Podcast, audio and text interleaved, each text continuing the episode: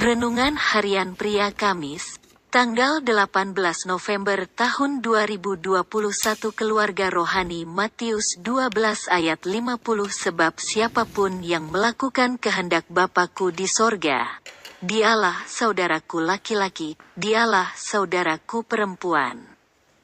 Dialah ibuku. Ada orang yang memberitahu kepada Yesus bahwa ibu dan saudara-saudaranya datang untuk menemui Yesus.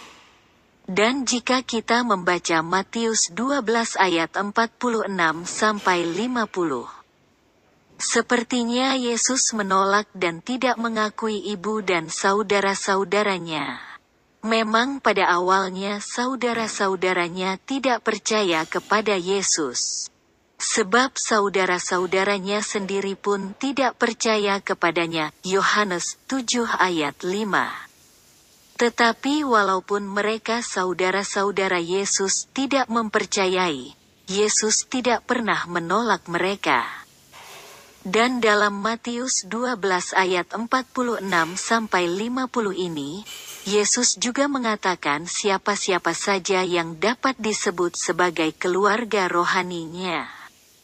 Yesus mengatakan bahwa siapa pun yang melakukan kehendak Bapa di sorga, maka ia adalah anggota keluarga rohani dari Yesus. Apa itu yang dimaksud dengan kehendak Bapa? Injil Yohanes mencatat dalam Injil Yohanes apa yang dimaksud dengan kehendak Bapa?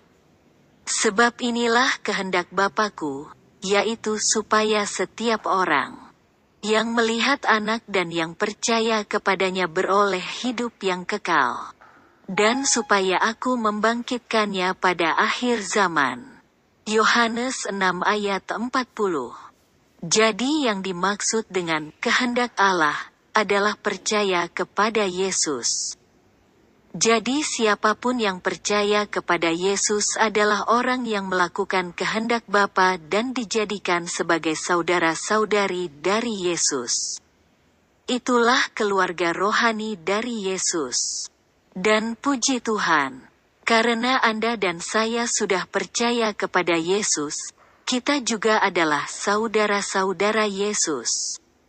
Yesus sebagai yang sulung di antara banyak saudara. Sebab semua orang yang dipilihnya dari semula. Mereka juga ditentukannya dari semula untuk menjadi serupa dengan gambaran anaknya, supaya ia, anaknya itu, menjadi yang sulung di antara banyak saudara. Roma 8 ayat 29 Dan gereja lokal adalah keluarga rohani bagi Anda dan saya. Refleksi diri, apa yang firman Tuhan katakan kepada Anda? Bagaimana kehidupan Anda dengan firman Tuhan itu? Catat komitmen Anda terhadap firman Tuhan itu.